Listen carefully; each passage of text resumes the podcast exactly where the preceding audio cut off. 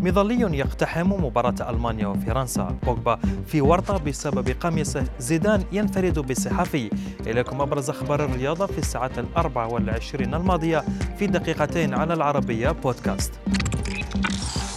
قبل انطلاق مواجهة ألمانيا وفرنسا في اليورو تفاجأ كل من في الملعب بسقوط مظلي من السماء مسببا إصابات بين الجماهير الحاضرة.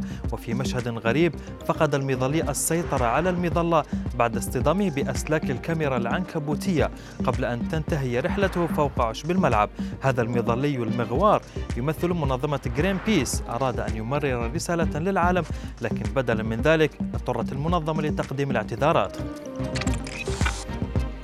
بعد نهاية المباراة فرحة الانتصار على ألمانيا أنست بول بوجبا قواعد البروتوكول الصحي المتبع في اليورو. بوجبا وبعد نهاية المباراة توجه نحو الجماهير في المدرجات وأهدى قميصه لأحد مشجعي المنتخب الفرنسي في خرق واضح للقواعد المتبعة. وقد يواجه بوجبا عقوبة مالية من الاتحاد الأوروبي بسبب تصرفه.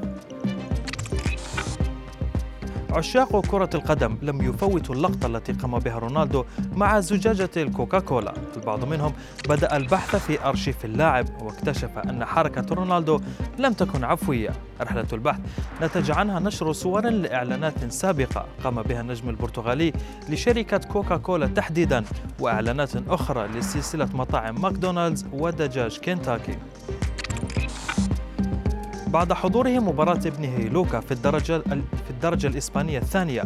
خرج زيدان من ملعب رايو فايكانو. أحد الصحفيين اعترض طريقه وأمطره بوابل من الأسئلة حول خروجه من ريال مدريد. زيدان بالتأكيد غضب من هذه الأسئلة وأبدى ردة فعل حادة تجاه الصحفي الشاب. وفي النهاية طلب منه مرافقته على انفراد بعيدا عن الكاميرا. ومن يعلم ربما تلقى الصحفي نطحة من زيزو بعد اختفائهما عن الأنظار.